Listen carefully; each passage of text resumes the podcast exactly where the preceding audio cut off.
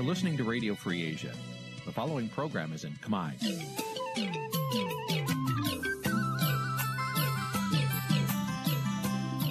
Nǐ chi càm bi tiệp xáy vệt chiu a zì sê ray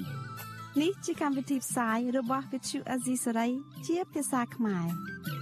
វត្តឈូអាស៊ីសេរីសូមស្វាគមន៍លោកអ្នកនាងទាំងអស់ពីរដ្ឋធានី Washington នៃសហរដ្ឋអាមេរិក បាទប្រធានាធិបតី Washington ខ្ញុំបាទទីនសាករិយាសូមជម្រាបសួរលោកនាងកញ្ញាទាំងអស់ជាទីមេត្រីយើងខ្ញុំសូមជូនកម្មវិធីផ្សាយសម្រាប់យប់ថ្ងៃសុក្រ12កើតខែបោះឆ្នាំឆ្លូវត្រីស័កពុទ្ធសករាជ2565ត្រូវនៅថ្ងៃទី14ខែមករាគ្រិស្តសករាជ2021បាទជាដំបូងនេះសូមជម្រាបលោកនាងកញ្ញាស្ដាប់ព័ត៌មានប្រចាំថ្ងៃដែលមានមេត្តាដូចតទៅ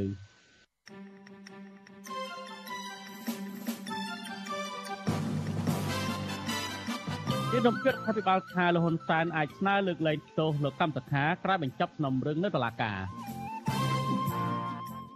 អមេធាវីការពីតំណាងសហជីព9នាក់ប្រឹងទាស់នៃការឃុំខ្លួនរបស់តុលាការក្រុងភ្នំពេញអ្នកធ្វើដោះលែងសមាជិកបកប្រឆាំងពីរនាក់នៅខេត្តត្បូងឃ្មុំក្រោយពីពួកគាត់ជាប់ពន្ធនាគារមួយឆ្នាំអ នុទីវេទិកាអ្នកស្ដាប់អសិរ័យនៅយប់នេះយើងនឹងជជែកអំពីមូលហេតុនៅពីក្រោយដែលកម្ពុជាលើកពេលកិច្ចប្រជុំថ្នាក់រដ្ឋមន្ត្រីអាស៊ានរួមនឹងព័ត៌មានផ្សេងៗមួយចំនួនទៀត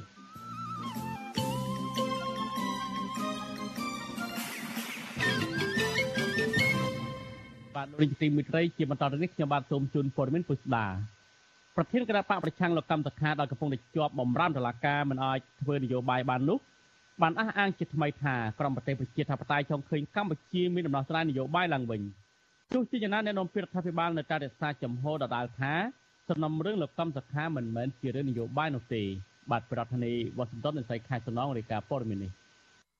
ការលើកឡើងដូចនេះរបស់លោកកឹមសុខាធ្វើឡើងក្រោយពីលោកបានជួបអង្គទូតនានាកាលពីពេលថ្មីថ្មីនេះនិងស្របពេលដែលសាលាដំបងរាជធានីភ្នំពេញក្រុងបើកសវនាការជំនុំជម្រះក្តីលោកឡើងវិញនៅសប្តាហ៍ក្រោយនេះដែរ លោកកឹមសុខាសរសេរលើ Facebook លោកថាលោកកប់សម្គាល់តាមរយៈការពិភាក្សាក្នុងជំនួបជាបន្តបន្ទាប់ជាមួយតំណាងផ្លូវការនៃប្រទេសប្រជាធិបតេយ្យពួកគេនៅតែចង់ជួយខ្មែរបន្តទៀតស្របតាមគុណតម្លៃប្រជាធិបតេយ្យសិទ្ធិមនុស្សនិងសេរីភាពលោកបន្តថាបណ្ដាប្រទេសទាំងនោះចង់ឃើញកម្ពុជាមានដំណោះស្រាយនយោបាយដោយអហិង្សា ការបង្រួបបង្រួមជាតិការគោរពសិទ្ធិមនុស្សនិងប្រជាធិបតេយ្យជាដើម។ ដើមឆ្នាំ2022នេះលោកកឹមសុខាបានជួបជាមួយអង្គទូតមួយចំនួន រួមមានឯកអគ្គរដ្ឋទូតបារាំង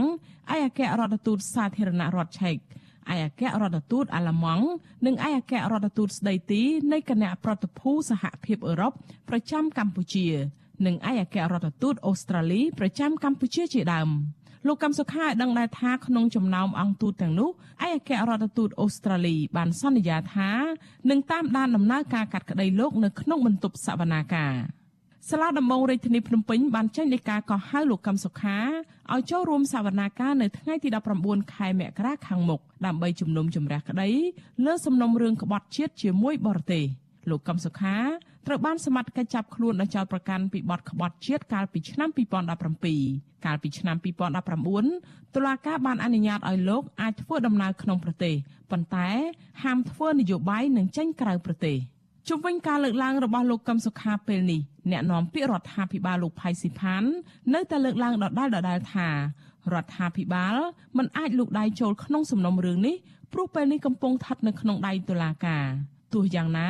លោកអះអាងថាក្រោយនីតិវិធីតុលាការចាប់សពគ្រប់លោកហ៊ុនសែនអាចស្នើលើកលែងទោសលោកកឹមសុខា បើមានការពិនិត្យឃើញថាការផ្ដាល់សេរីភាពឲ្យលោកកឹមសុខា មិនមានអ្វីឲ្យប៉ះពាល់ដល់ហានិភ័យជាតិឬសន្តិភាពសាធារណៈនោះអានេះជាសេចក្តីសម្រេចរបស់តុលាការប៉ុន្តែអ្នកដែលថានាំគ្នាចង់បាននីតិរដ្ឋក៏ប៉ុន្តែ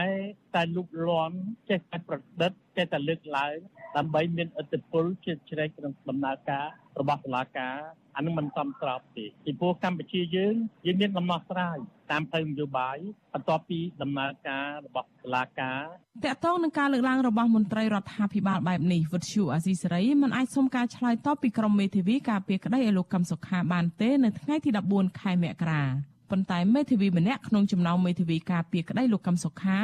អ្នកស្រីមេងសុភារីធ្លាប់ថ្លែងថាក្រុមមេធាវីនិងលោកកឹមសុខាចង់ឃើញតុលាការទម្លាក់ចោលការចោទប្រកាន់លើលោកកឹមសុខាប្រធានក្រុមប្រឹក្សាឃ្លាំមើលកម្ពុជាលោកម៉ែនណាតដែលកំពុងរស់នៅប្រទេសណ័រវេសសង្កេតឃើញថាចំហរបស់បណ្ដាអង្គទូតដែលចង់ឃើញកម្ពុជាមានដំណោះស្រាយនយោបាយជាការបង្ហាញថាក្រមប្រទេសប្រជាធិបតេយ្យទាំងនោះនៅតែចង់ជួយដោះស្រាយវិបត្តិនយោបាយនៅកម្ពុជា ទោះយ៉ាងណា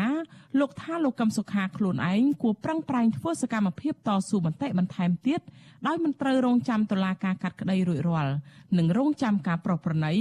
ឬលើកលែងពីលោកហ៊ុនសែននោះឡើយ។រឿងសំខាន់វានៅលើលោកកម្មសខាខ្លួនឯងទេ នៅពេលដែលអ្នកការទូតហ្នឹងគេលើកទឹកចិត្តហើយតើយើងយើងជាមេដឹកនាំបពវិឆាំងនេះតើយើងគួរធ្វើអីបន្តទៀតឬក៏យើង សង្ឃឹមរងចាំពេលវេលាដែលលោកហ៊ុនសែនហ្នឹងគាត់សម្រួលឬក៏យើងត្រូវតែធ្វើសកម្មភាពខ្លះដើម្បីបញ្ជាក់ថាយើងជាអ្នកនយោបាយដ៏រឹងមាំអញ្ចឹងណាទីហោដូចជាក្រុមនៃកម្មករបុគ្គលិកនៅ Nagavel ហ្នឹងគេតស៊ូមតិបែបម៉េចដើម្បីឲ្យដើម្បីរកភាពយុត្តិធម៌អានឹងជាឧទាហរណ៍ទូចមួយណាតកតងរឿងនេះដែរអ្នកស្រាវជ្រាវការអភិវឌ្ឍសង្គមបណ្ឌិតសេងសារីវិភាគថាអាចមានសេណារីយ៉ូចំនួន3កើតឡើងក្រោយសវនាការលោកកឹមសុខា ទី1តុលាការសម្រេចឲ្យលោកកឹមសុខាគ្មានទោស ហើយគណៈបកសង្គ្រោះជាតិរស់ឡើងវិញព្រោះការរំលែកគណៈបកសង្គ្រោះជាតិដោយសារតែតុលាការបានចោទប្រកាន់លោកកឹមសុខា មានសន្តិទ្ធភាពជាមួយបរទេស។ទី2តុលាការកាត់ឲ្យលោកកឹមសុខាមានទោសហើយបញ្ជូនលោកកឹមសុខាចូលពន្ធនាគារវិញមួយរយៈបន្ទាប់មកលោកហ៊ុនសែនអាចមានសំណើសុំឲ្យព្រះមហាក្សត្រលើកលែងទោសពីលោកកឹមសុខា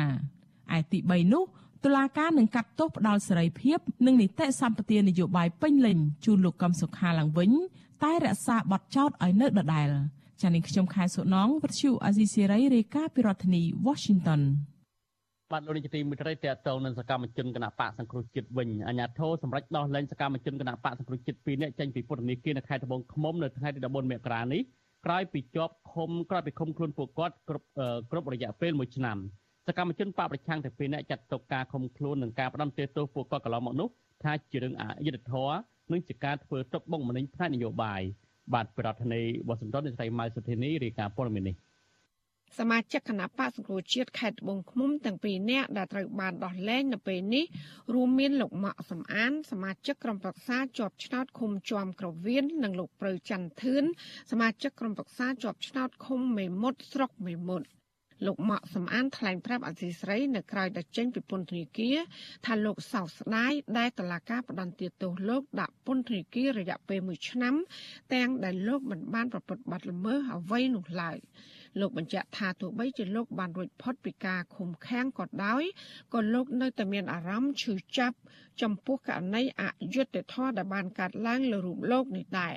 គោលបំណងដែលខ្ញុំទៅថ្ងៃ14មករា2021នេះគឺខ្ញុំទៅចាំស្ដាប់អង្គសវនាការទេមានតែប៉ុណ្ណឹងយើងអត់មានទៅធ្វើសកម្មភាពអីសោះប៉ុន្តែយើងបំណងទៅស្ដាប់អង្គសវនាការបើតែគេទៅចាប់យើងទៅអានឹងជារឿងមួយដែលខ្ញុំមិនអាចទទួលយកបានខ្ញុំថាជារឿងមួយអយុត្តិធម៌ជារឿងមួយការគៀបសង្កត់សិទ្ធិសេរីភាពរបស់ខ្ញុំវិញទេបាទស្តីងគ្នានេះលោកប្រៅច័ន្ទធឿនបានថ្កោលទោសអាញាធរនិងតុលាការដែលបានចាប់ឃុំខ្លួនលោកអស់រយៈពេល1ឆ្នាំមកនេះ លោកចាត់ទុកករណីនេះថាជាការធ្វើទុកបុកម្នេញផ្នែកនយោបាយនិងជារឿងអយុត្តិធម៌ដែលមិនអាចទទួលយកបានឡើយក្នុងនាមជាពលរដ្ឋគ្រាន់តែខ្ញុំទៅតាមដានសវនាការលើកទឹកចិត្តបងប្អូនអតីតដែលធ្លាប់រួមរស់រួមសុខជាមួយគ្នាចាប់ខ្ញុំមកដាក់គុកពន្ធនាគារមួយឆ្នាំនេះចោទខ្ញុំពីបទញុះញង់គឺទង្វើអយុត្តិធម៌សម្រាប់ខ្ញុំមែនទែន អាញាធរបានចាប់ខ្លួនលោកម៉ាក់សំអាននិងលោកប្រៅច័ន្ទធឿនកាលពីថ្ងៃទី14ខែមករាឆ្នាំ2021ក្នុងអំឡុងពេលដែលពួកគាត់ទៅឃ្លាំមើលសកម្មភាពជំនុំជម្រះក្តីត្រង់ទ្រាយធំ លើមន្ត្រីបកប្រឆាំងនៅតុលាការក្រុងភ្នំពេញ។តឡាការខេត្តបងឃ្មុំបានផ្តន្ទាទោសសមាជិកបកប្រឆាំងទាំងពីររូបនេះឲ្យជាប់ពន្ធនាគាររយៈពេល1ឆ្នាំនិងពិន័យជាប្រាក់ក្នុងម្នាក់ពីលានរាពីបទសំគំនិត ក្នុងអំពើញុះញង់បង្កឲ្យមានភាពវឹកវរធ្ងន់ធ្ងរដល់សន្តិសុខសង្គមសាលាតូតត្បូងឃ្មុំបានតម្កល់សាក្រមផ្តន្ទាទោសនេះសកម្មជនបកប្រឆាំងទាំងពីររូបនេះ បញ្ជាក់ថាទោះបីជាជាប់ឃុំគ្រប់ចំនួនហើយក៏ដោយក៏ពួកគាត់នៅតែតតាំងក្តីដល់ដំណាក់កាលចុងក្រោយដើម្បីបង្ហាញពីភាពស្អាតស្អំរបស់ខ្លួន បច្ចុប្បន្នសំណុំរឿងនេះកំពុងស្ថិតនៅក្នុងដៃតុលាការកំពូល ក្រោយពីពួកគាត់បានប្តឹងសារទុកប្រឆាំងនឹងសាធិការសាលាអូតូត្បូងឃ្មុំចានាយករងទទួលបន្ទុកផ្នែកខ្លំមើលសិទ្ធិមនុស្សនៃអង្គការលីកាដូលោកអំសំអាត ថ្លែងថាក្រុមអង្គការសង្គមស៊ីវិលសាទរចំពោះការដោះលែងសកម្មជននយោបាយទាំងពីររូបនេះព្រោះពួកគាត់អាចវិលត្រឡប់ទៅជួបជុំក្រុមគូសានិងប្រកបរបរចិញ្ចឹមជីវិតឡើងវិញ ប៉ុន្តែលោកគូសបញ្ជាក់ថាចំណុចដែលគួរឲ្យសោកស្ដាយនោះ គឺពួកគាត់ទាំងពីរគ្រាន់តែអនុវត្តសិទ្ធិសេរីភាពជាមូលដ្ឋានរបស់ខ្លួនបែរជារងការចាប់ប្រកាន់និងផ្ដន្ទាទោសទៅវិញយើងជាអង្គការសង្គមស៊ីវិលដែលធ្វើការផ្នែកសិទ្ធិនោះហ្នឹងគឺសូមឲ្យតុលាការហើយនិងអាជ្ញាធរលោកពិនិត្យពិចារណាទៅលើសិទ្ធិ សេរីភាពរបស់ពលរដ្ឋហើយនឹងការអនុវត្តច្បាប់ជាជាងការចោទប្រកាន់គាត់ហើយធ្វើឲ្យគេរិះគន់តាក់ទងថារឿងទាំងអស់ហ្នឹងវាជារឿងនយោបាយមិនមែនជាការអនុវត្តច្បាប់កត្រឹមពាក់កណ្ដាលខែមករាឆ្នាំ2022នេះសកម្មជននយោបាយសកម្មជនបរិស្ថាន សមាជិកសង្គមស៊ីវិលនិងអ្នករិះគន់រដ្ឋាភិបាលជាង50នាក់ទៀតនៅបន្តជាប់ឃុំក្នុងពន្ធនាគារនៅឡើយ ភ ieck ច្រើនអ្នកដែលជាប់ឃុំទាំងនោះរងការចោទប្រកាន់ពីបទញុះញង់និងរួមគំនិតក្បត់ ដែលជាបទចោទមានចរិតនយោបាយក្រោយចេញពីពន្ធនាគារសកម្មជនគណៈបកទទួលជាតិលោកម៉ាក់សំអាន និងលោកប្រៅចន្ទធឿនអះអាងដូចគ្នាថាពួកលោកនឹងបន្តជីវិតនយោបាយជាមួយនឹងគណៈបកប្រឆាំងតទៅមុខទៀតដោយគ្មានការភ័យខ្លាចនោះឡើយ។ គណៈបកដែលអ្នកទាំងពីរក្រុងទៅចូលរួមជាមួយនោះគឺគណៈបកភ្លើងទៀនពីព្រោះពួកលោកធ្លាប់គ្រប់គ្រងនិងរួមរស់ជាមួយនឹងគណៈបកនេះអស់រយៈពេលជិត20ឆ្នាំមកហើយចាននឹងខ្ញុំម៉ៃសុធានីវັດឈូអាស៊ីសេរីប្រធានាធិបតី Washington បាទលោកនាយកទីមេត្រីឥឡូវនេះយើងបានភ្ជាប់ទូរស័ព្ទទៅលោកម៉ាក់សំអានលោកម៉ាក់សំអានគឺជាសមាជិកក្រុមប្រឹក្សាគុំជាប់ឆ្នោតគុំជាប់ក្រវៀន បាទដើម្បីជម្រាបសួរបន្ថែមអំពីស្ថានភាពរបស់លោកដែលជាប់ពន្ធនាគាររយៈពេល1ឆ្នាំមកនេះខ្ញុំបាទសូមជម្រាបសួរលោកម៉ាក់សំអានបាទបាទជម្រាបសួរបងបាទលោកម៉ាក់សំអានសុខសប្បាយទេបាទបាទសូមជម្រាបសួរដល់បងប្អូនប្រិយមិត្តអ្នកស្ដាប់អសីស្រីទាំងអស់ជាទីនឹករលឹកជាទីរាប់អានបាទបាទលោកម៉ាក់សំអានក្រោយពីចេញពីពន្ធនាគារថ្ងៃនេះលោកមានអារម្មណ៍បែបណាដែរបាទ បាទក្រោយពីចេញក្នុងពន្ធនាគារដែលខ្ញុំបានជាប់អស់មួយឆ្នាំនេះខ្ញុំមានអារម្មណ៍ថាយើងមិនសប្បាយចិត្តចំពោះការធ្វើទុកបុកម្នេញពីអាជ្ញាធរជាពិសេសគឺសាលាដំបងខេត្តត្បូងឃ្មុំដែលបានផ្ដន់ជាទោសពួកយើងខ្ញុំឲ្យជាប់ពន្ធនាគារអស់រយៈពេលមួយឆ្នាំដោយអយុធធរជាទីបំផុតសម្រាប់ពួកខ្ញុំដែលជាអតីតសកម្មជន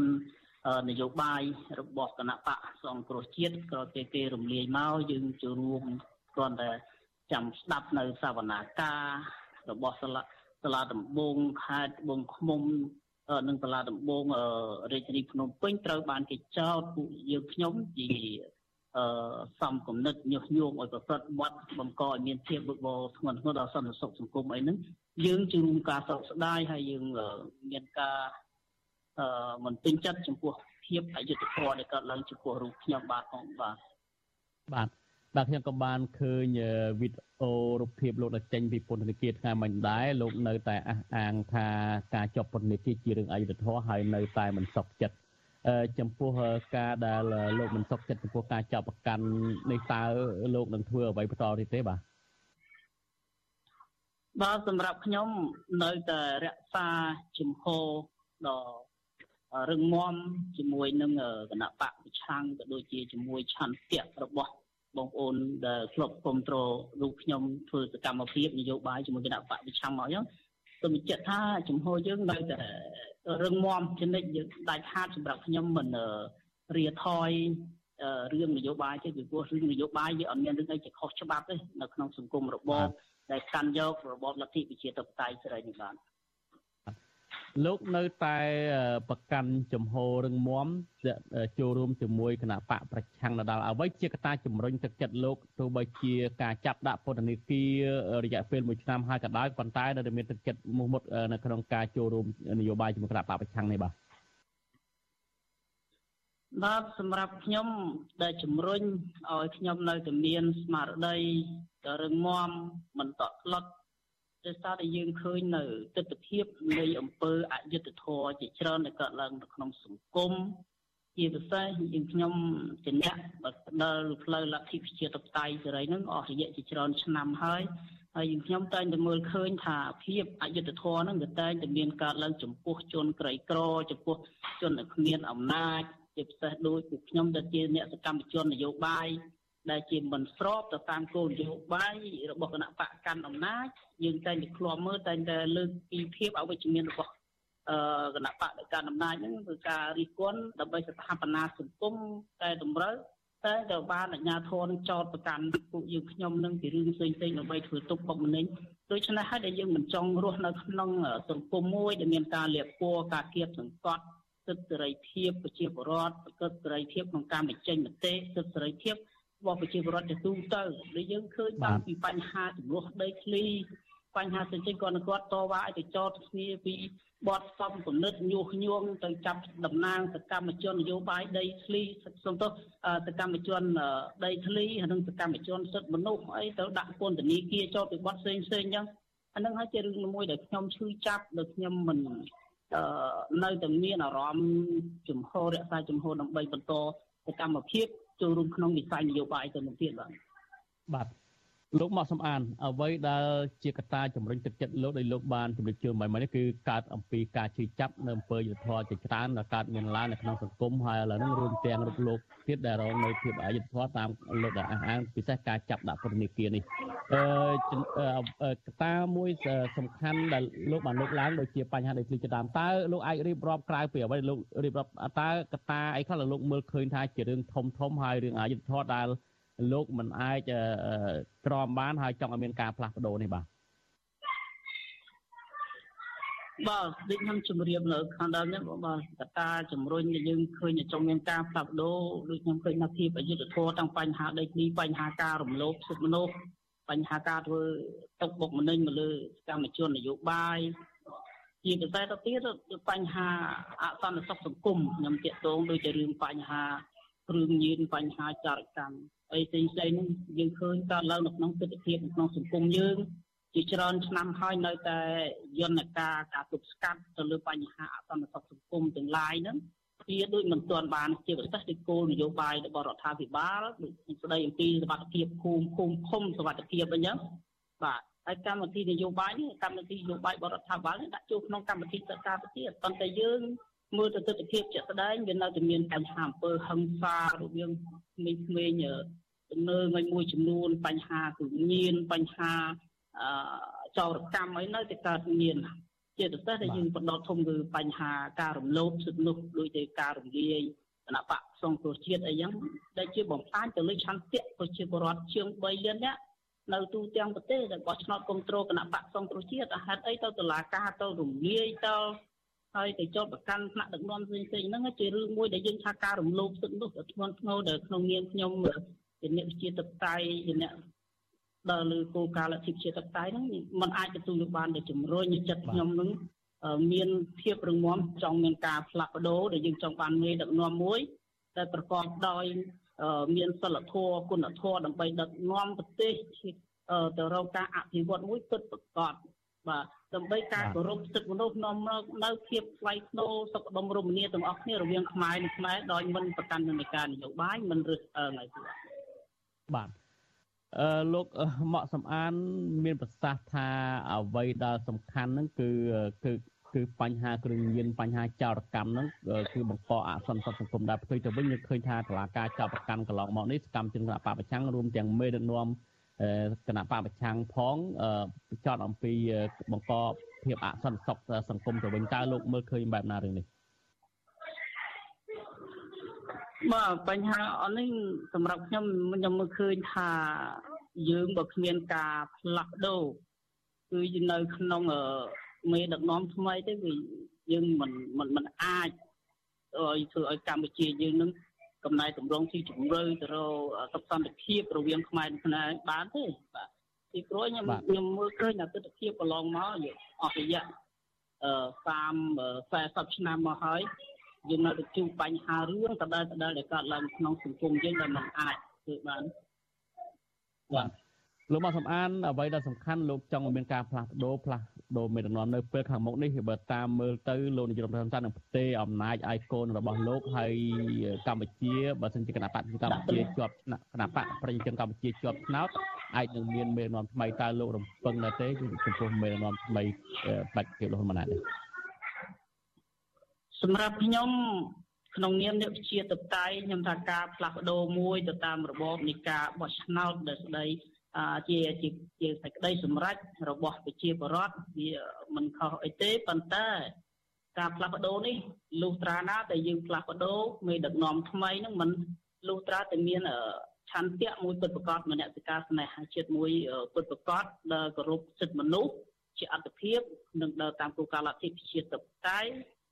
ហើយខ្ញុំមើលឃើញថាមានតែគណៈបកប្រឆាំងទេដែលអាចដឹកនាំប្រទេសឲ្យដល់លើគោលការណ៍លទ្ធិប្រជាធិបតេយ្យបានហើយបើសិនតែនៅបកដដែលដឹកនាំហើយដដែលនឹងខ្ញុំជឿថាมันអាចកែប្រែឲ្យ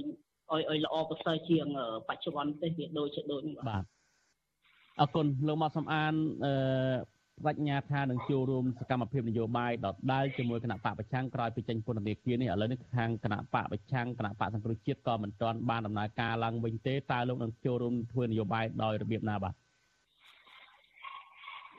អឺខ្ញុំ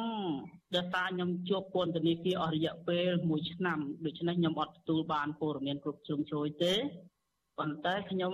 នៅតែសម្រេចថានឹងចូលរួមជាមួយគណៈបកប្រឆាំងបន្ទោះបីសង្គ្រោះជាតិ មិនទាន់ដំណើរការវិញប៉ុន្តែខ្ញុំកំពុងតែពិចារណាហើយនឹងខ្ញុំបដោតមើលទៅលើគណៈបកលើងទៀនសិនបាទពីព្រោះគណៈបកលើងទៀនគឺជាអតីតខ្ញុំធ្លាប់ចូលរួមជាមួយគណៈបកសំរងទីនឹងតាំងពីឆ្នាំ2004រហូតមកទល់នេះវាជិតមក20ឆ្នាំទៅហើយដែរ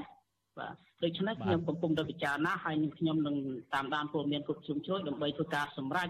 ដល់លើផ្លូវនយោបាយវិញជាមួយគណៈបកប្រឆាំងតទៅទៀតបាទ អរគុណលោកមកសម្បានចុងក្រោយនេះក្រៅពីរឿងនយោបាយចង់ងាកមករឿងសັບទុកផ្ទាល់ខ្លួនរបស់លោកវិញក្រោយពីលោកចេញពីពន្ធនាគារនេះលោកនឹងធ្វើអ្វីមុនគេ សម្រាប់ជារឿងឯកជនឬរឿងគ្រួសារបាទបើអាចជម្រាបជូនបាន គាត់ជារឿងគ្រួសារសម្រាប់ខ្ញុំឥឡូវនេះខ្ញុំកំពុងបញ្ហាប្រឈមបញ្ហាសុខភាពជាដំបងចង្កេះនឹងអង្គុយយួតបានទេឈឺទៅបីជាងសម្រានហើយក៏នៅតែឈឺចង្កេះមកជារៀងខ្លួនផ្នែកខាងឆ្វេង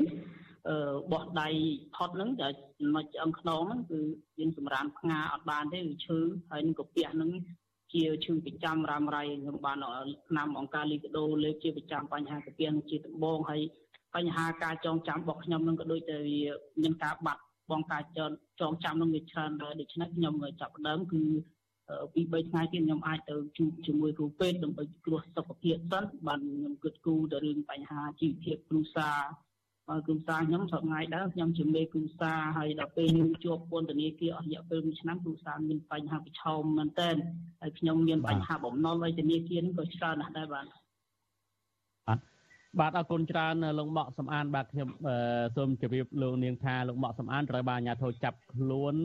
និងសកម្មជនបកប្រឆាំងមរុភិកគឺលោកប្រៅច័ន្ទធឿនកាលពីថ្ងៃទី14មករាឆ្នាំ2021ក្នុងអំឡុងពេលពួកគាត់ទៅឃ្លាំមើលសវនាការបើកសវនាការលើមន្ត្រីបកប្រឆាំងជាទង្គធំនៅឯតុលាការក្រុងភ្នំពេញឥឡូវនេះមានរយៈពេល1ឆ្នាំគត់ដែលតុលាការដោះលែងលោកវិញខ្ញុំបាទសូមអរគុណលោកម៉ាក់សំអានបាទសូមជម្រាបលា បាទសូមជម្រាបលាបងបាទអរគុណច្រើន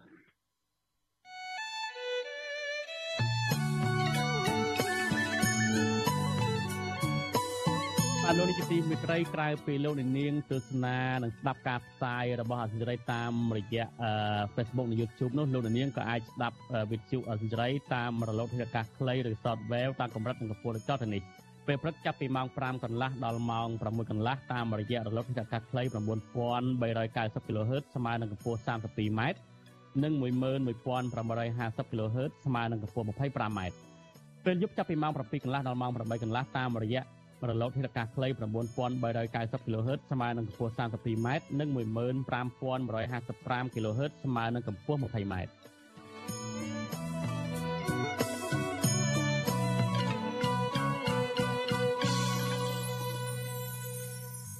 បបាទឥឡូវនេះជាទីមេត្រីយើងងាកមកមើលពីកម្ពុជាដល់ពជាពេលលើកដល់លើកពេលកិច្ចប្រជុំថ្នាក់រដ្ឋមន្ត្រីអាស៊ានវិញអ្នកជំនាញខាងកិច្ចការអន្តរជាតិជំរុញឲ្យកម្ពុជាកុំឲ្យមេដឹកនាំរដ្ឋប្រហារយោធាភូមិចូលរួមកិច្ចប្រជុំអាស៊ានដើម្បីជៀសវាងការលើកពេលកិច្ចប្រជុំតទៅទៀតកម្ពុជាបានសម្រេចលើកពេលកិច្ចប្រជុំអាស៊ានដំបូងដោយគ្មានការកំណត់ភ្លាមភ្លាមក្រោយពេលបានក្លាយជាប្រធានបដូវវិនអាស៊ាន ក្រមហេតុផលថារដ្ឋមន្ត្រីការប្រទេសអាស៊ានមិនអាចចូលរួមកិច្ចប្រជុំផ្ទាល់បានដោយសារតែលំបាកធ្វើដំណើរប៉ុន្តែក្រុមអ្នកខ្លោមើលថានេះគឺជាសញ្ញានៃការបាច់បាក់និងនឹងការមិនពេញចិត្តក្នុងចំណោមសមាជិកអាស៊ានទៅនឹងចំហរបស់កម្ពុជាក្នុងរឿងភូមាដែលកម្ពុជាបានព្យាយាមទទួលស្គាល់របបផ្សិតនៃប្រទេសនេះបាទពីរដ្ឋធានីវ៉ាស៊ីនតោនលោកមានរិទ្ធរាយការណ៍ព័ត៌មាននេះគ្រាន់តែបើកឆាកឆ្នាំ2022ឡើងក្រុងតំណែងជាប្រធានបដូវវេនអាស៊ានជាលើកទី3មិនទាន់ស្រួលបួលផង កម្ពុជាទំនងជាកំពុងដើរនៅលើកំណាត់ផ្លូវដ៏រលាក់បាត់ទៅហើយដោយសារតែមិនអាចរៀបចំកិច្ចប្រជុំអាស៊ានជាលើកដំបូងបានដោយតាមការគ្រោងទុកអ្នកជំនាញវិជាសាស្ត្រនយោបាយនិងកិច្ចការអន្តរជាតិលោកអែមសវណ្ណារាយល់ថាហេតុផលនៅពីក្រោយការបញ្ជាពេលនេះទំនងជាអាចដោយសារតែកម្ពុជាព្យាយាមចង់ឲ្យរដ្ឋមន្ត្រីការបរទេសនៃរបបសឹកយោធាភូមាចូលរួមកិច្ចប្រជុំនេះហើយត្រូវរដ្ឋសមាជិកអាស៊ានដទៃទៀតជំទាស់នឹងបញ្ហានេះ។ ទស្សនៈខ្ញុំផ្ទាល់ខ្ញុំថាប្រហែលជាមានគេហៅថានៅពីក្រោយនៃការបរិការប្រកាសជាសាធារណៈតាមបែបទូតនឹងប្រហែលជាមាន conflict ដែលតែមិនទទួលយកទៅការរៀបចំរបស់កម្ពុជានៅក្នុងការលើកយកវត្តមានរដ្ឋត្រីការបរទេសភូមិមកប្រជុំនៅមុនកិច្ចប្រជុំចុងអៀតថ្នាក់រដ្ឋមន្ត្រីការបរទេសអាស៊ានដែលគ្រោងនឹងប្រព្រឹត្តទៅចាប់ពីថ្ងៃទី18ដល់ថ្ងៃទី19ខែមករានៅខេត្តសៀមរាប និងនៅមុនដំណើរទស្សនកិច្ចរបស់លោកនាយរដ្ឋមន្ត្រីហ៊ុនសែនទៅជួបមេដឹកនាំរបបសឹកយោធាភូមាកាលពីថ្ងៃទី7និងទី8ខែមករាប្រធានាធិបតីឥណ្ឌូនេស៊ីលោកជូកូវីដូដូបានរំលឹកលោកហ៊ុនសែនពីជំហរមិនអនុញ្ញាតឲ្យមេដឹកនាំរដ្ឋប្រហារយោធាភូមាចូលរួមកិច្ចប្រជុំអាស៊ាន ប្រធានាធិបតីឥណ្ឌូនេស៊ីព្រមានថាប៉ះសិនបើគ្មានការវិវត្តជាដុំកំភួនណាមួយស្ដីពីការអនុវត្តកិច្ចព្រមព្រៀងរួម5ចំណុចរបស់អាស៊ាន អំពីបញ្ហាវិបត្តិភូមិនេះទេនោះបុគ្គលដែលអាចធ្វើជាអ្នកតំណាងរបស់ប្រទេសភូមាមកចូលរួមកិច្ចប្រជុំកំពូលអាស៊ានបានត្រូវតែមិនមែនជាអ្នកនយោបាយ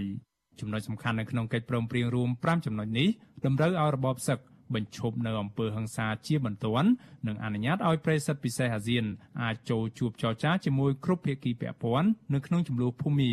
ក្នុងនោះក៏រួមមានទាំងមេដឹកនាំស្របច្បាប់អ្នកស្រីអ៊ុងសាំងស៊ូជីផងដែលត្រូវបានរបបសឹកធ្វើរដ្ឋប្រហារទម្លាក់ចេញពីតំណែងនិងកាត់ទោសក៏ប៉ុន្តែរបបសឹកភូមិមិនបានអនុវត្តតាមនោះទេ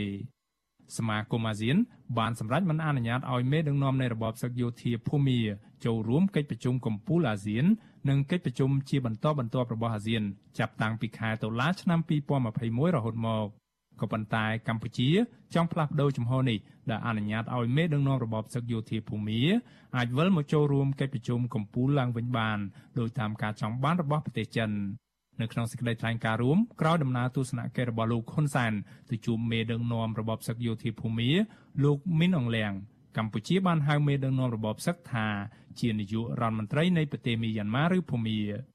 លោកអែមសវណ្ណារាពន្យល់ថាការពន្យាពេលនេះនឹងអាចធ្វើឲ្យរាំងស្ទះដល់ដំណើរការរៀបចំកិច្ចប្រជុំអាស៊ានសំខាន់ៗផ្សេងទៀត ដែលកម្ពុជាក្នុងនាមជាប្រធានបដូវវេនអាស៊ានត្រូវរៀបចំធ្វើជាបន្តបន្ទាប់ដំណើរការនៃការបើកប្រជុំដំបូងនឹងវាត្រូវការឲ្យមានភាពប្រឌូតដើម្បីយើងដំណើរការនៅលើវិស័យផ្សេងផ្សេងក៏ប៉ុន្តែយើងអាចដំណើរការលើវិស័យផ្សេងដូចសង្គមបព្វធម៌អីបានប៉ុន្តែបើស្អីថាអាស៊ានមានភាពរ៉ារអួលមានភាពប្រកម្មកជាងយើងត្រូវការពេលវេលាច្រើនในកម្ពុជាមានពេលមួយឆ្នាំវាត្រូវការរៀបចំច្រើនដែរកាលណាយើងមានបញ្ហាវាជាឧបសគ្គទៅលើកិច្ចប្រជុំផ្សេងផ្សេងទៀតវិស័យផ្សេងផ្សេងនិងពេលវេលាផ្សេងផ្សេងទៀតលោកអែមសវណ្ណារាជំរុញឲ្យកម្ពុជាមានភាពបត់បែននៅក្នុងការដោះស្រាយបញ្ហាភូមិនេះដោយបន្ទន់អេរយាប័តធ្វើតាមប្រធានអាស៊ានចាស់គឺប្រទេសប្រ៊ុយណេដែលបានសម្រេចមិនអនុញ្ញាតឲ្យមេដឹកនាំរដ្ឋប្រហារយោធាភូមិ ចូលរួមកិច្ចប្រជុំអាស៊ានពិសេសបើយើងមិនអាចដោះស្រាយបញ្ហាអីបានផ្សេងយើងអាចយកតាមគន្លងនយោបាយចាស់របស់អាស៊ានដែលព្រុយណេដែលជាប្រធានអាស៊ានហ្នឹងគាត់បានព្យួរចោលភាពស្រោចចូលរបស់ភូមិណាទុកចោលដោយមិនមានវត្តមានភូមិជាអ្នកចូលជុំពេញផ្លូវការវិសុវស៊ីស្រីបានព្យាយាមតាក់ទងណែនាំពីក្រសួងការបរទេសកម្ពុជាលោកកុយគួងតាមបណ្ដាញសង្គម Telegram ដើម្បីសុំការពន្យល់បន្ថែមពីជំហរចុងក្រោយរបស់កម្ពុជា ចំពោះបញ្ហាភាពជាអ្នកតំណាងស្របច្បាប់របស់ភូមានិងការសម្រេចលើកពេលកិច្ចប្រជុំនេះថាតើអាចនឹងមានការកំណត់ពេលវេលាថ្មីនៅពេលណាក៏ប៉ុន្តែនៅមិនទាន់ទទួលបានការឆ្លើយតបណាមួយនៅឡើយទេគិតត្រឹមយប់ថ្ងៃទី13ខែមករារីឯអ្នកជំនាញកិច្ចការអន្តរជាតិមួយរូបទៀតនឹងជាប្រធានវិទ្យាស្ថានចក្ខុវិស័យអាស៊ីហៅកាត់ថា AVI បណ្ឌិតឈៀងវណ្ណរិទ្ធវិញ លោកបញ្យល់ថាកិច្ចប្រជុំចង្អៀតថ្នាក់រដ្ឋមន្ត្រីការបរទេសអាស៊ាននេះដើរតួនាទីសំខាន់ដើម្បីពិនិត្យមើលឡើងវិញនៅអ្វីដែលអាស៊ានសម្រេចបានកាលពីឆ្នាំចាស់និងកំណត់នៅអាទិភាពសម្រាប់កិច្ចប្រជុំកំពូលរបស់អាស៊ាននាពេលខាងមុខលោកថាជាទូទៅអាស៊ានតែងតែរៀបចំកិច្ចប្រជុំនេះនៅរៀងរាល់ដើមឆ្នាំនៅក្នុងខែមករាបណ្ឌិតឈៀងវណ្ណរិទ្ធមើលឃើញថាប្រសិនបើរបបសឹកយោធាភូមា នៅតែមិនព្រមអនុវត្តតាមកិច្ចព្រមព្រៀង5ចំណុចរបស់សមាគមអាស៊ាននោះទេនោះកម្ពុជាក៏គួរគិតគូរឡើងវិញ អំពីជំហររបស់ខ្លួន ដើម្បីដាក់សម្ពាធលើរបបនេះ។ទោះបីកម្ពុជាហ្នឹងក៏មិនអាចទទួលបានដែរខំទៅចំណាយពេលវេលាចំណាយកម្លាំងកាយហានិភ័យអូមីក្រុងផងទៅជួបហើយអត់បានលទ្ធផលអាហ្នឹងបានអនុវត្តតាមអាហ្នឹងវាបាក់ដែរអញ្ចឹងវាអាស្រ័យទៅលើធ្វើជាក់ស្ដែងរបស់របបភូមិនោះ ភ្លាមភ្លាមក្រោយដំណើរទស្សនកិច្ចរបស់លោកនាយរដ្ឋមន្ត្រីហ៊ុនសែនទៅជួបមេដឹកនាំរដ្ឋប្រហារយោធាភូមាប្រទេសចិនដែលជាសម្ព័ន្ធមិត្តស្និទ្ធជាមួយនឹងរបបសឹកយោធាភូមាបានចេញមុខគាំទ្រកម្ពុជាប្រទេសចិនថាខ្លួនគ្រប់គ្រងកម្ពុជាពេញទំហឹងនៅក្នុងនាមជាប្រធានបដូវវេនអាស៊ាន ដែលកំពុងដើរតួនាទីយ៉ាងសកម្មចូលរួមចំណែកដល់ការដោះស្រាយចំនួននៅភូមាទន្ទឹមនឹងនោះប្រទេសជប៉ុនក៏បានស្វាគមន៍កម្ពុជា ចំពោះកិច្ចខិតខំប្រឹងប្រែង និងការសម្របសម្រួលរបស់កម្ពុជានៅក្នុងការបង្កើតនៅបរិយាកាសអំណោយផល សម្រាប់ការចរចាលើបញ្ហាភូមិនេះក៏ប៉ុន្តែទន្ទឹមនឹងការគ្រប់គ្រងទាំងនេះទង្វើរបស់កម្ពុជាទៅជួបជាមួយនឹងមេដឹកនាំរបបសឹកយោធាភូមាជាឯកតោភាគីនេះក៏កំពុងទទួលរងនឹងការថ្កោលទោសយ៉ាងខ្លាំងពីសំណាក់ពលរដ្ឋភូមាដែលស្រឡាញ់លទ្ធិប្រជាធិបតេយ្យនិងសហគមន៍អន្តរជាតិ ពួកគេចោទថាលោកហ៊ុនសែនគ្រប់គ្រងនៅអំពើហិង្សាកັບសម្លាប់មនុស្សប្រព្រឹត្តដោយរបបសឹកយោធាភូមាដែលជាអក្រិតកម្មប្រឆាំងនឹងមនុស្សជាតិនិងថាទង្វើរបស់លោកហ៊ុនសែនកំពុងតែធ្វើឲ្យសមាគមអាស៊ានបែកបាក់គ្នាថ្មីថ្មីនេះទៀតសោតប្រិយសិទ្ធពិសេសរបស់អង្គការសហប្រជាជាតិទទួលបន្ទុកកិច្ចការមីយ៉ាន់ម៉ាឬភូមាអ្នកស្រី Nolin Heiser ក៏បានក្រើនរំលឹកលោកនាយរដ្ឋមន្ត្រីហ៊ុនសែនក្នុងនាមជាប្រធានអាស៊ាន ឲ្យដោះស្រាយវិបត្តិនៅភូមាស្របតាមឆន្ទៈនិងការចង់បានរបស់ពលរដ្ឋនៃប្រទេសនេះអ្នកស្រីបានប្រាប់លោកហ៊ុនសែនថាដំណើរការដោះស្រាយបញ្ហាភូមិដែលធ្វើឡើងស្របតាមឆន្ទៈរបស់ពលរដ្ឋភូមិដើម្បីទទួលបាននូវសន្តិភាពប្រជាធិបតេយ្យនិងអនាគតដែលមានគ្រប់ភាគីពាក់ព័ន្ធចូលរួមចាំបាច់ត្រូវតែមានការគ្រប់គ្រងដោយវិធីសាស្ត្រដោះស្រាយជាលក្ខណៈអន្តរជាតិផ្អែកតាមស្មារតីនៃការឯកភាពគ្នាក្នុងតំបន់ អ្នកជំនាញកិច្ចការអន្តរជាតិនិងជាព្រឹទ្ធបរិះរងនៃសាកលវិទ្យាល័យរដ្ឋ Arizona នៅសហរដ្ឋអាមេរិកបណ្ឌិតអៀសផលហៅការលើកពេលកិច្ចប្រជុំអាស៊ានដែលកម្ពុជាទើបនឹងចាប់ផ្ដើមធ្វើនេះថាគឺជារឿងគួរឲ្យអស់សំណើចលោកថាបើទោះបីជានេះមិនមែនជាការធ្វើពហិការជាផ្លូវការក៏ដោយក៏កម្ពុជា បានចាប់ផ្ដើមដឹកនាំអាស៊ាន នៅលើវិថីដ៏រលាក់រួចបាត់ទៅហើយដែរដែលសូម្បីតែរៀបចំកិច្ចប្រជុំក៏មិនអាចធ្វើបាន បណ្ឌិតអៀសផលថានេះគឺជាកម្មផលនៃនយោបាយការទូតបែបបថុយប្រឋានប្រកបដោយគ្រោះថ្នាក់របស់កម្ពុជាលោកប្រមានថាជាមួយនឹងនយោបាយការទូតរបៀបនេះកម្ពុជាត្រូវត្រៀមខ្លួនរងចាំស្ដាប់លេសនៃការមិនអាចចូលរួមកិច្ចប្រជុំពីសំណាក់ក្រុមប្រទេសសមាជិកអាស៊ានដទៃទៀតដែលអាចនឹងមានច្រើនតទៅទៀតនាពេលខាងមុខខ្ញុំបាទមេរិត Visual C សេរីរាយការណ៍ពីរដ្ឋធានី Washington បាទលោកនាយកទីមេត្រីតេតទៅនៅមូលហេតុដែលកម្ពុជាលើកពេលកិច្ចប្រជុំថ្នាក់រដ្ឋមន្ត្រីអាស៊ាននេះ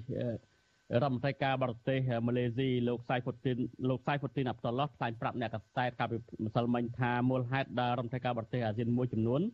មិនទៅចូលរួមប្រជុំអាស៊ានមិនមែនពិបាកធ្វើដំណើរនោះទេគឺបញ្ហាសំខាន់គឺរដ្ឋមន្ត្រីការបរទេសអាស៊ាន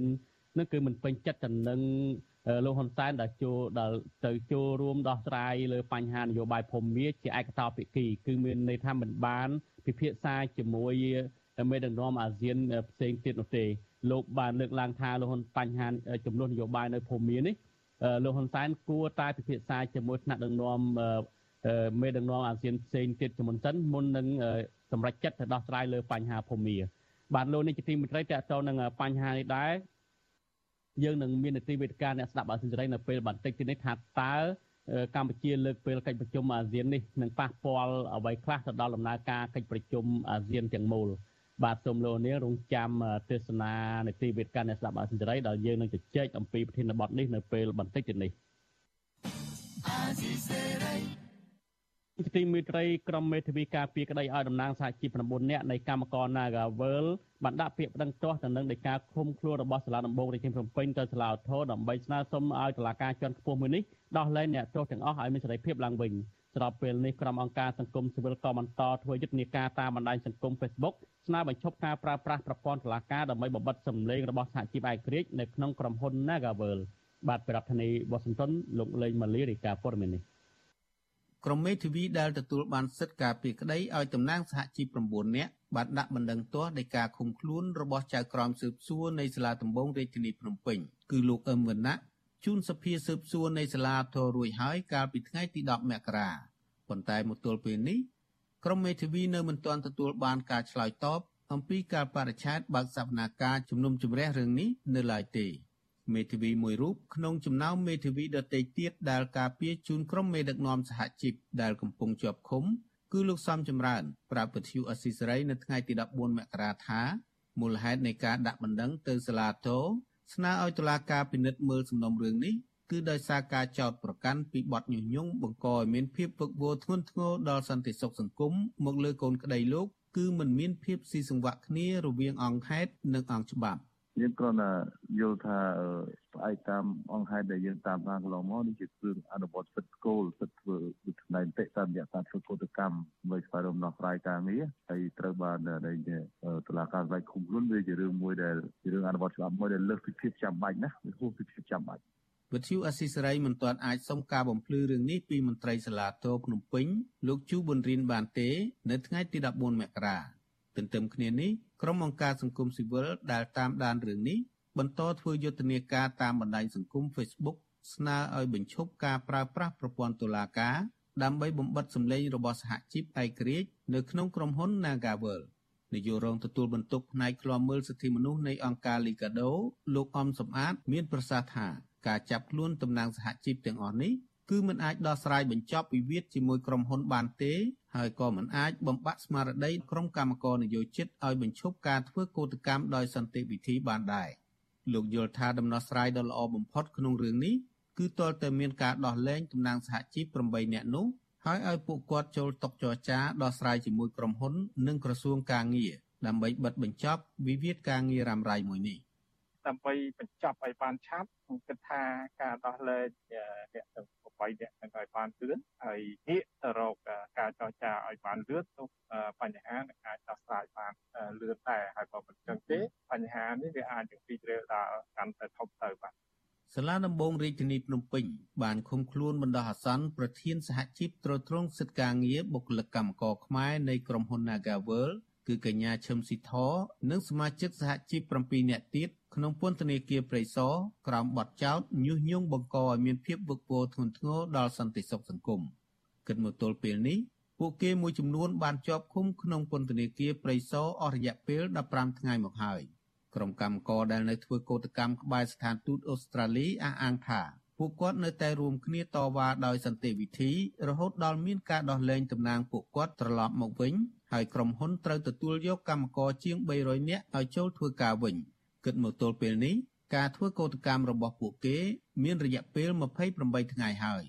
អង្គការជាតិនិងអន្តរជាតិផ្នែកសិទ្ធិមនុស្សនិងសិទ្ធិការងារទាមទារឲ្យអាជ្ញាធរដោះលែងតំណាងសហជីព8នាក់ឲ្យមានសេរីភាពវិញជាបន្ទាន់និងគ្មានលក្ខខណ្ឌហើយជំរុញឲ្យក្រសួងការងារបន្តដោះស្រាយបញ្ហានេះដោយឈលលើគោលការណ៍ច្បាប់និងភាពស្មោះត្រង់ដើម្បីឲ្យវិវាទការងារមួយនេះ អាចបញ្ចប់ទៅបានខ្ញុំបាទលេងម៉ាលីវិទ្យុអស៊ីសេរីរាយការណ៍ពីរដ្ឋធានី Washington បាទលោកនាយកទីមេត្រីមុនលោកនាងបានទស្សនាឬក៏ស្ដាប់កិច្ចពិភាក្សានីតិវិទ្យាអ្នកស្ដាប់អស៊ីសេរីដែលយើងនឹងជជែកអំពីមូលហេតុនៃនៅពីក្រោយនៃការលើកពេលកិច្ចប្រជុំថ្នាក់រដ្ឋមន្ត្រីអាស៊ាននិងផលប៉ះពាល់ដល់ដំណើរការអាស៊ានសូមដែលយើងដល់កម្មវិធីនេះនឹងមកដល់នៅពេលបន្តិចទៀតសូមលោកនាង ស្ដាប់សេចក្តីរាយការណ៍មួយទៀតទាក់ទងនឹងជំងឺ Covid-19 បន្តិចសិនក្រសួងសុខាភិបាលរកឃើញជំងឺ Covid-10 អ្នកក្រសួងសុខាភិបាលរកឃើញជំងឺ Covid-19 ចំនួន10ករណីថ្មីទៀតដែលសុទ្ធតែជាមេរោគបំផ្លាញថ្មីអូមីក្រុងក្នុងនោះ4នាក់ជាករណីនាំចូលនិង6នាក់ទៀតជាករណីឆ្លងក្នុងសហគមន៍គិតត្រឹមព្រឹកថ្ងៃទី14មករាកម្ពុជាមានអ្នកកើតជំងឺ Covid-19 ប្រមាណជា120,000នាក់ក្នុងនោះអ្នកជាសះស្បើយមានជាង110,000នាក់និងអ្នកស្លាប់មានចំនួន3015នាក់ ក្រសួងសុខាភិបាលប្រកាសថាគិតត្រឹមថ្ងៃទី13មករាម្សិលមិញរដ្ឋាភិបាលចាក់វ៉ាក់សាំងគ្រប់ដូសជូនពលរដ្ឋបានជាង13លាននាក់ក្នុងចំណោមពលរដ្ឋដែលត្រូវចាក់ប្រមាណជា14លាននាក់ដែលរាប់ពីកុមារអាយុចាប់ពី5ឆ្នាំរហូតដល់មនុស្សពេញវ័យរីឯដូសទី3ដល់ជាដូសជំរុញវិញរដ្ឋាភិបាលចាក់ជូនពលរដ្ឋបានជាង4លាន3សែននាក់ បានលោកនាងជាទីមិត្តរីលោកនេះទៅបានស្ដាប់ព័ត៌មានប្រចាំថ្ងៃដែលរៀបរៀងដោយខ្ញុំបាទទីនសាករិយាពីរដ្ឋធានីវ៉ាស៊ីនតោនសូមលោកនាងរងចាំទស្សនានីតិវិទ្យាអ្នកស្ដាប់អសិលសេរីនៅពេលបន្តិចទៀតនេះ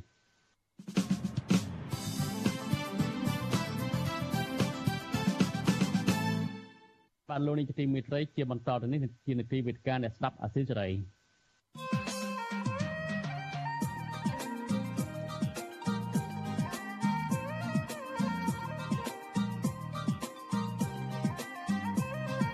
វេទិកាអ្នកស្ដាប់វិទ្យុអាស៊ីសេរី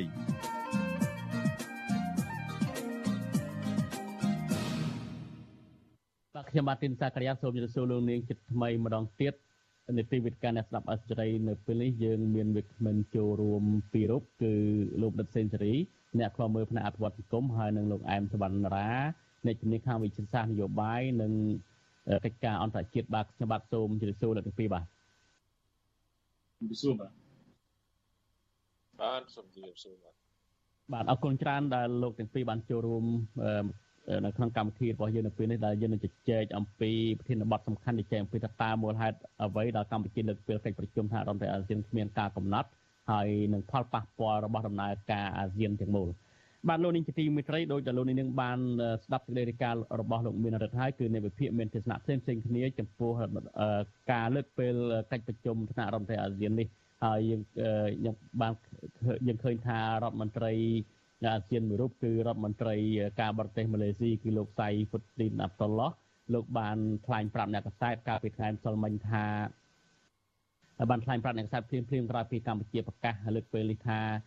មូលហេតុចម្បងនេះគឺថាដោយសារតែរដ្ឋមន្ត្រីការបរទេសអាស៊ានមួយចំនួនហ្នឹងគឺមិនពេញចិត្តទៅនឹង លោកនាយករដ្ឋមន្ត្រីហ៊ុនសែនចំពោះដំណើរទស្សនកិច្ចនៅប្រទេសភូមាដែលជាធ្វើឡើងជាឯកតោភាគីហើយមិនបានពិភាក្សាជាមួយមេដឹកនាំអាស៊ានជាមុនលោកបានលើកឡើងថាលោកហ៊ុនសែនគួរតែពិភាក្សាជាមួយ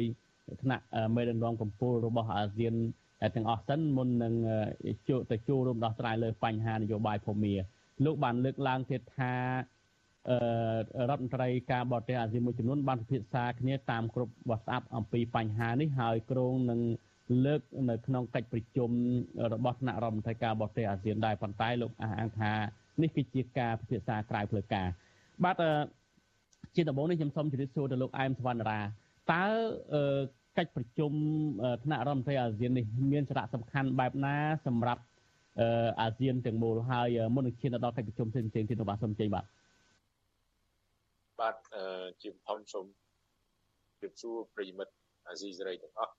ហើយសូមជម្រាបសួរលោកបណ្ឌិតសេងសេរីអញ្ជើញជាវិពិននៅក្នុងរូបរាងនេះដែរបាទធម្មតាអាស៊ានមានកិច្ចប្រជុំច្រើនបើយើងគិតនៅក្នុងមួយឆ្នាំមួយឆ្នាំបានថាមួយឆ្នាំមាន365ថ្ងៃហ្នឹងកិច្ចប្រជុំអាស៊ានហ្នឹងបូកទៅជាង1000ណាប៉ុន្តែកិច្ចសំខាន់កិច្ចប្រជុំសំខាន់ហ្នឹងយើងអាចថាមួយថ្ងៃបើយើងរាប់អាច2យ៉ាងតិច ដូច្នេះការបើកកិច្ចប្រជុំរវាងរដ្ឋមន្ត្រីការបរទេសអាស៊ានជាចំណុចចាប់ផ្ដើមមួយសំខាន់នៅក្នុងការដំណើរការប្រចាំឆ្នាំតែនៅក្នុងកំឡុងខែមករានេះឯងនៅពេលដែលប្រធានអាស៊ានប្រូវិនចូលកាន់ទូនទីមួយនឹងចាប់ផ្ដើមប្រជុំរឿងនយោបាយការបរទេសមុនដើម្បីរៀបចំថាអ្វីដែលអាស៊ានបានសម្រេចពីឆ្នាំកន្លងទៅឆ្នាំមុនហើយនឹងទិសដៅអាស៊ានដែលត្រូវសម្រេចនៅឆ្នាំក្រោយ នឹងឆ្នាំឆ្នាំនេះនិងឆ្នាំក្រោយនេះជាកិច្ចការដែលសំខាន់ដែលអាស៊ាននៅក្នុងនៅក្នុងទិសដៅដែលកម្ពុជាជាប្រធានអាស៊ានពេញមួយឆ្នាំឆ្នាំ2022នេះបានដាក់ប្រធានបទរួមមួយឬហៅថាមួយបទរួមមួយតែអាស៊ានរួមគ្នាធ្វើបានដូចថាសមាជិកអាស៊ានទាំងអស់រួមគ្នាដោះស្រាយបញ្ហាប្រឈមទាំងអស់បាទនេះជាជាប្រធានបទធំដែលកម្ពុជាបានដាក់ហើយនឹងមានស្មារតីស្នូលសំខាន់មួយគឺភាពរួមគ្នា សាមគ្គីភាពនិងភាពសុខដុមរមនាដើម្បីអីដើម្បីក្នុងគោលបំណងបំណងមួយគឺរក្សាឲ្យបាននៅភាពជាកណ្ដាលរបស់អាស៊ានឬក៏ហៅថាមជ្ឈភាពមជ្ឈភាពឬក៏សាមគ្គីភាពរបស់អាស៊ានរួមគ្នាដោះស្រាយបញ្ហាប្រឈមធានាឲ្យបាននៅវឌ្ឍនភាពការងាររួមដែលមានស្រាប់និងលើកកម្ពស់បន្តបញ្ហាមនុស្សជាតិសំខាន់សំខាន់ដែលកិច្ចការហ្នឹងកម្ពុជារំពឹងឬក៏អាស៊ានទាំងអស់ហ្នឹងរំពឹងថានឹងមានសេចក្តីថ្លែងការណ៍រួមមួយ នៅពេលដែលប្រជុំអាស៊ានសាមិតបានកិច្ចប្រជុំកំពូលអាស៊ានរបស់ថ្នាក់ដឹកនាំអាស៊ាននានាហើយសេចក្តីថ្លែងការណ៍របស់ប្រមុខដឹកនាំអាស៊ាននឹងអាចបជាជាផែនការបន្តការងារនិងផែនការសកម្មភាពព្រមទាំងការរៀបចំព្រឹត្តិការណ៍និងសកម្មភាពទាំងអស់របស់អាស៊ានទាំងឆ្នាំនេះនិងឆ្នាំក្រោយអានេះជាកិច្ចការមួយហើយដែលកម្ពុជាបានដាក់ចំណុចអតិភិបស្នូលរបស់អាស៊ានហ្នឹងគឺសំខាន់ណាស់គឺរួមគ្នាស្មារតីរួមគ្នានេះឯង ហើយកត្តាដែលរួមគ្នានេះឯងបើសិនបើកម្ពុជាបើកដំណើរការប្រជុំរដ្ឋមន្ត្រីការបរទេសអាស៊ានជាកិច្ចបើកឆាកដំបូងហើយយើងឃើញចរន្តនៃការអឺរួមគ្នានេះវាហាក់ដូចជាធ្វើឲ្យអាស៊ានឈរជំហរផ្សេងគ្នាទៅលើការបើកកិច្ចប្រជុំនេះកាលពីមុនរដ្ឋមន្ត្រីការបរទេសដទៃទៀតដូចជាហ្វីលីពីនដូចជាឥណ្ឌូនេស៊ីនេះគ្រាន់តែបញ្ជាក់ហើយនៅម៉ាឡេស៊ីក៏នៅតែរវល់ រឿងបញ្ហាគ្រោះមហន្តរាយទឹកជំនន់ឬក៏ខ្យល់ព្យុះអីនៅនៅប្រទេសរៀងៗខ្លួនក៏ប៉ុន្តែថ្មីថ្មីនេះយើងឃើញរដ្ឋមន្ត្រីម៉ាឡេស៊ីដែលលោកសាកាយាបានបកស្រាយគាត់ចេញមុខប្រកាសជាផ្លូវការនេះវាបង្ហាញពីភាពគេហៅថាអឺខ្ទាស់គ្នាឆ្កាងឆ្គងមួយដែលមិនផ្ដល់ជំនឿទុកចិត្តទៅលើកម្ពុជាដែលកម្ពុជាបានអញ្ជើញទៅទស្សនកិច្ចផ្លូវរដ្ឋមួយនៅភូមិសាធារណីយ៉ាន់ម៉ានេះ ដោយបាននាំនៅបរិខាពេទ្យមួយចំនួននិងបរិខាវិទ្យាសាស្ត្រចំនួនវិទ្យាសាស្ត្របាននាំនៅគេហៅថាអឺអានេះដើម្បីដើម្បីបើកចំណុចមួយដែរនៅក្នុងក្របខ័ណ្ឌ5ចំណុចដែលអាស៊ានរួមគ្នាសម្រាប់កាលពីថ្ងៃទី24មេសាឆ្នាំ2021នៅទីក្រុងសាកាតាប្រទេសឥណ្ឌូនេស៊ីនេះគឺចង់ឲ្យប្រទេសអាស៊ាននឹងដើរតួនាទីមជ្ឈមណ្ឌលផ្ដល់ជំនួយមនុស្សធម៌អាស៊ានមួយហ្នឹង អាចដំណើរការទៅបាននេះជាយន្តការមួយដែលកម្ពុជាធ្វើដែលមានភាពបត់បែនហើយនឹងសមស្របនឹងកលៈទេសៈនឹងមួយដែរចំណុចមួយទៀតគឺកម្ពុជាបានជំរុញឲ្យរដ្ឋាភិបាលយោធាភូមិនឹងអឺបញ្ចប់ឬហៅថាបន្តភាពគេថាបន្តភាពបត់ឈប់បាញ់រហូតដល់ចុងឆ្នាំឆ្នាំ2022ដែលកម្ពុជាជាប្រធានអាស៊ាននេះជាចំណុចវិជ្ជមានហើយទាំងរដ្ឋាភិបាលកម្ពុជាក៏បានប្រកាស លើកនៅលក្ខណៈសម្បត្តិជោគជ័យនេះដែរហើយមានការអមសាទរពីចិនពីជប៉ុនជាដើមហើយយើងក៏យើងខ្ញុំក៏មានការសប្បាយចិត្តដែរក៏ប៉ុន្តែក្រោយការដំណើរទស្សនកិច្ចផ្លូវរដ្ឋតែ5ម៉ោងទេយើងគិតទៅភូមិចាប់ផ្ដើមធ្វើការរដ្ឋាភិបាលយោធាភូមិចាប់ផ្ដើមធ្វើការវាយប្រហារទៅលើកម្លាំងដែលហៅថារដ្ឋាភិបាលស្រមោលមួយដែលជាចំណែកធនជាតិពិសេសមួយនៅបពុកនៅភូមិនេះជាជាចំណុចមួយដែល ធ្វើឲ្យបណ្ដារដ្ឋសមាជិកអាស៊ានដទៃទៀតគិតថាដំណើរទស្សនកិច្ចដែលកម្ពុជាថាជោគជ័យនេះវាមិនបាន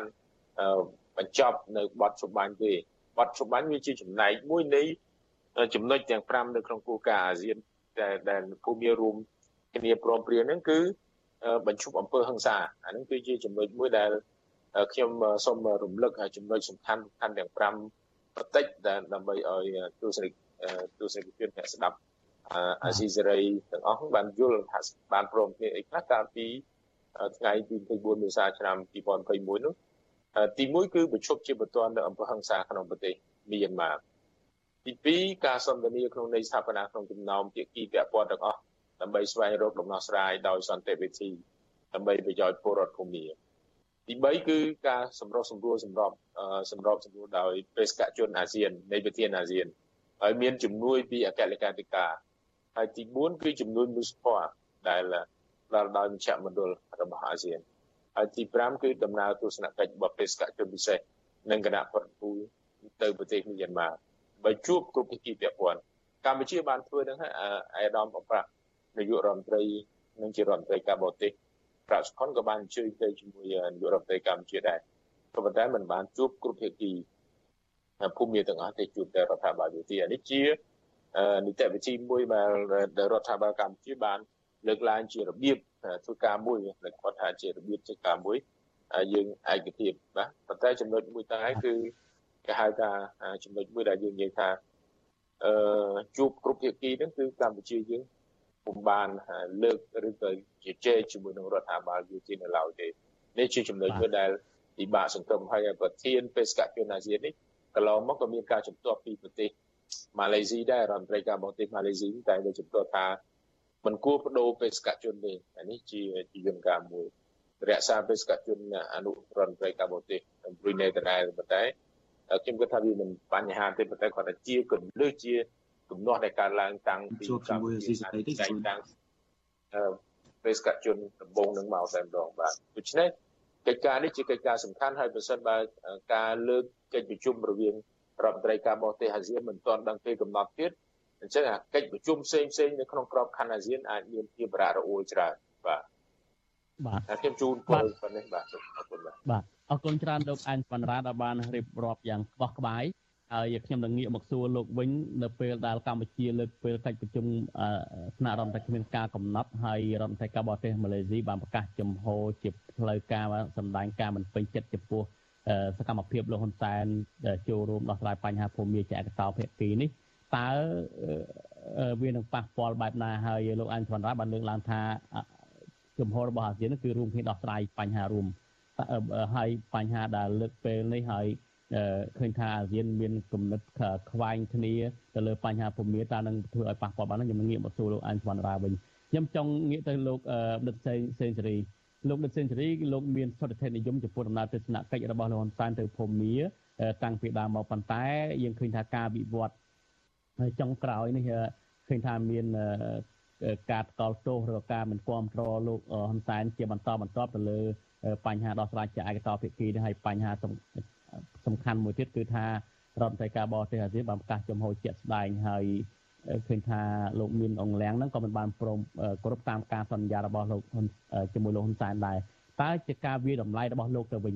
លទ្ធផលដំណើរទស្សនកិច្ចរបស់លោកហ៊ុនសែនទៅភូមិមាននេះលោកមើលឃើញបែបណាដែរបាទសូមជឿអឺខ្ញុំគិតថាជាជាការបរាជ័យលើកទី2របស់អាស៊ាននៅក្នុងការព្យាយាមដោះស្រាយបញ្ហានៅភូមិកន្លងមកយើងឃើញកាលពី ប្រុយណេជារដ្ឋជាប្រធានអាស៊ានហ្នឹងគឺបានប្រើប្រាស់យន្តការមួយគេហៅយន្តការ 5PC មកពីពាក្យ five point consensus ដែលជាយន្តការរួមគ្នា5ចំណុចដើម្បីដោះស្រាយបញ្ហានៅភូមិភាគក៏ប៉ុន្តែជាវិធីសាស្ត្រនៅក្នុងការដោះស្រាយបញ្ហាដែលអំឡុងពេលដែលប្រុយណេជាប្រធានអាស៊ានហ្នឹងគឺអាស៊ានបានលាក់ដាក់លក្ខខណ្ឌទៅរដ្ឋាភិបាលមានអន្លាំងថា ត្រូវតែអនុញ្ញាតឲ្យបេសកជនពិសេសដែលជារដ្ឋមន្ត្រីក្រសួងការបរទេសប្រុយណេហ្នឹងត្រូវត្រូវអនុញ្ញាតឲ្យជួបគ្រប់ភាគីដែលពាក់ព័ន្ធក្នុងនោះគឺជាពិសេសត្រូវតែអនុញ្ញាតឲ្យជួបជាមួយនឹងស្រីអង្សាងស៊ូជីចឹងហើយនៅពេលដែលលក្ខខណ្ឌនេះត្រូវបានដាក់ទៅរដ្ឋាភិបាលយោធាភូមិមាននុនលៀងគឺត្រូវបានបដិសេធហើយយើងចាត់ថាជាការបរាជ័យលើកទី1របស់អាស៊ាន ការបរាជ័យលើកទី2របស់អាស៊ាននេះមកដល់ពេលនេះយើងអាចវាយតម្លៃបាន50%ថាជាការបរាជ័យលើកទី2ដោយសារតែជាជាយន្តការលើកនៅក្នុងការដោះស្រាយបញ្ហារបស់ភូមិលើកទី2នេះគឺលោកនាយករដ្ឋមន្ត្រីហ៊ុនសែនបានសម្រេចចិត្តជាឯកតោភាគីនៅក្នុងការធ្វើដំណើរទស្សនកិច្ចទៅក្នុងចេតនាបើកផ្លូវឲ្យមានការបញ្ចប់វិបត្តិ នយោបាយនៅភូមិអញ្ចឹងជាលទ្ធផលយើងឃើញថានៅក្នុងនោះមាន5ចំណុចដែរដែលជាសេចក្តីថ្លែងការណ៍រួមចុះហត្ថលេខាដោយកម្ពុជាជាមួយនឹងរដ្ឋាភិបាលយោធាភូមិនឹងគឺក្នុងនោះមាន3ចំណុចវាមានលក្ខណៈដូចគ្នា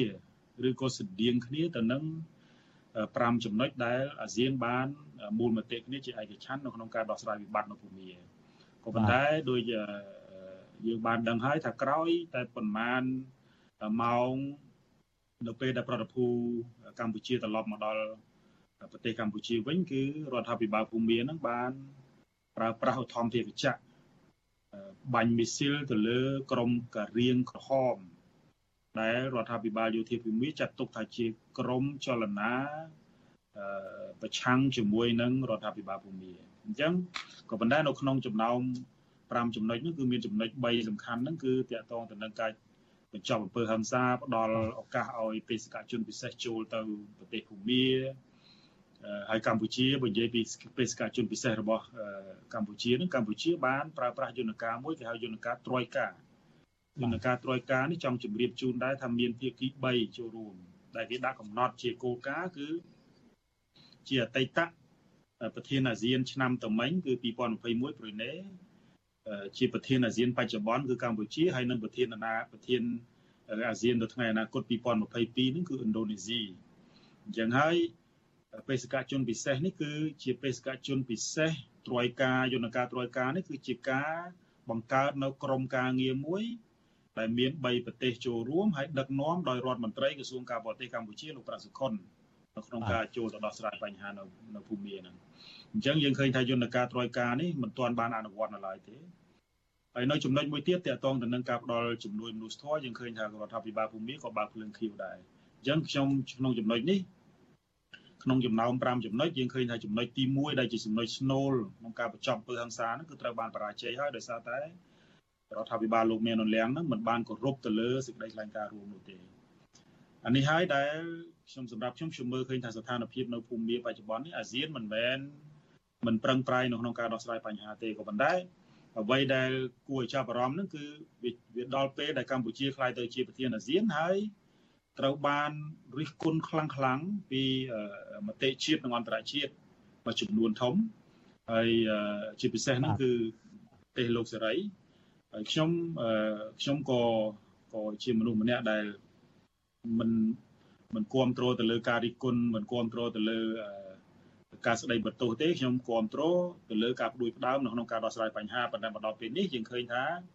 ពួកពេលនោះខ្ញុំបានបញ្ជាក់ច្បាស់ហើយថាដំណោះស្រាយវាមិនប្រកាសថាជោគជ័យទេវាវាអាចជោគជ័យវាអាចបរាជ័យប៉ុន្តែឥឡូវនេះជាលទ្ធផលយើងឃើញថា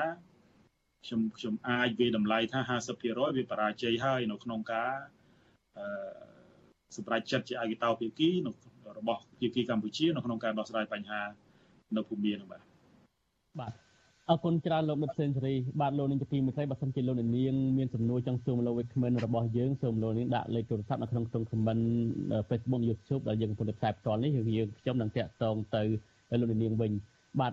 លោកនាងដែលកំពុងតែស្ដាប់ការផ្សាយរបស់អាស៊ីសេរីតាមរលកធាតុអាកាសខ្លី short wave ហ្នឹងនឹងមិនលឺការផ្សាយរបស់យើងទៀតទេប៉ុន្តែចំពោះលោកនាងដែលកំពុងទស្សនា ការផ្សាយរបស់យើងតាម Facebook YouTube សូមអញ្ជើញបន្តទស្សនាជាមួយយើងខ្ញុំបន្តទៀតដែលយើងនឹងជជែកអំពី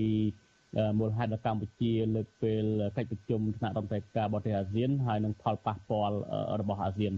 បាទលោកដិតសេនស៊ូរីខ្ញុំខ្ញុំចង់បន្តជាមួយលោកបន្តិចទៀតបាទ លោកបានលើកឡើងថាយើងឃើញថាលទ្ធផលនៃកិច្ចព្រមព្រៀងរវាងលោកហ៊ុនសែននិងលោកមីនអងលៀងកាលពីថ្ងៃទី7មករានោះសម្រាប់រដ្ឋាភិការបរទេសម៉ាឡេស៊ីលោកសៃពុទីនអាប់តុលឡោះហ្នឹងលោកមើលឃើញថាហាក់ដូចបីដូចជាមិនស៊ីសង្វាក់គ្នាឬក៏មិនដូចទៅនឹងកិច្ចព្រមព្រៀងដែលអាស៊ានបានព្រមបានព្រមព្រៀងគ្នា5ចំណុចនោះទេ ហើយលោកដិតសេនស៊ូរីបានលើកឡើងថាពេលនេះគឺលោកហ៊ុនសែនបរាជ័យឬក៏អាស៊ានបរាជ័យជាលើកទី2ហើយក្នុងការដោះស្រាយលើបញ្ហាភូមិតើអ្វីជាកលឹះសំខាន់នៃនៃនៃការបរាជ័យនេះលោកដិតសេនស៊ូរីបាទខ្ញុំចង់បញ្ជាក់ជូនចេះថាតាមពិតទៅសេចក្តីថ្លែងការណ៍5ចំណុចរបស់កម្ពុជាជាមួយនឹងរដ្ឋាភិបាលមាននោះលៀងហ្នឹងកម្មពិតមានការអបអរសាទរពីបណ្ដាប្រទេសមួយចំនួនដែរក្នុងហ្នឹងមានប្រទេសជប៉ុនប្រទេសចិន ហើយមានក៏មានប្រទេសនោះជាសមាជិកអាស៊ានហ្នឹងក៏មានភាពស្ងប់ស្ងាត់ដែរហៅថាថាយើងនិយាយថ្ងៃនេះមានទូប្រាំប្រកាសដែរប្រកាសទូប្រាំប្រកាសគ្រប់គ្រងលើចំហរបស់កម្ពុជាដែលចូលរួមដោះស្រាយបញ្ហាភូមិដែរបាទបាទបាទក៏ប៉ុន្តែក៏មានប្រទេសខ្លះចាក់ខ្សែដែរគឺនៅស្ងប់ស្ងាត់អ្វីដែលជាបញ្ហាពិតប្រាកដហ្នឹងគឺកម្ពុជាត្រូវបានស្ដីបន្ទោសហ្នឹងមិនមែនស្ដីបន្ទោសដោយសារតែដោយសារតែសេចក្តីថ្លែងការណ៍រួម5ចំណុចនោះទេ អ្វីដែលគេស្ដីបន្ទោសកម្ពុជាហ្នឹងគឺគេស្ដីបន្ទោសត្រង់ថាកម្ពុជាអឺសម្រាប់ជាឯកច្ឆ័ន្ទមិនបានប្រឹក្សាជាមួយនឹងបណ្ដាសមាជិកផ្សេងផ្សេងទៀតមុននឹងការធ្វើដំណើរទៅប្រទេសភូមារបស់លោកលោកនាយករដ្ឋមន្ត្រីហ៊ុនសែនទៅប៉ុន្តែក៏មានការជជែកជាមួយនឹងលោកនាយករដ្ឋមន្ត្រីឥណ្ឌូនេស៊ីដែរនៅក្នុងការនៅក្នុងការធ្វើដំណើរហ្នឹងហើយពេលនោះខ្ញុំចាំបានថាលោកនាយករដ្ឋមន្ត្រី ឥណ្ឌូនេស៊ីហ្នឹងក៏មិនបដិសេធទៅលើដំណើរទស្សនកិច្ចហ្នឹងដែរក៏ប៉ុន្តែគ្រាន់តែថាអឺប្រាប់កម្ពុជាថាឲ្យរក្សាទៅលើអា5ចំណុចកុំសងស៊ីស5ចំណុចរួមហ្នឹងកុំធ្វើម៉េចកុំឲ្យដើរឃ្លាតចេញពី5ចំណុចហ្នឹង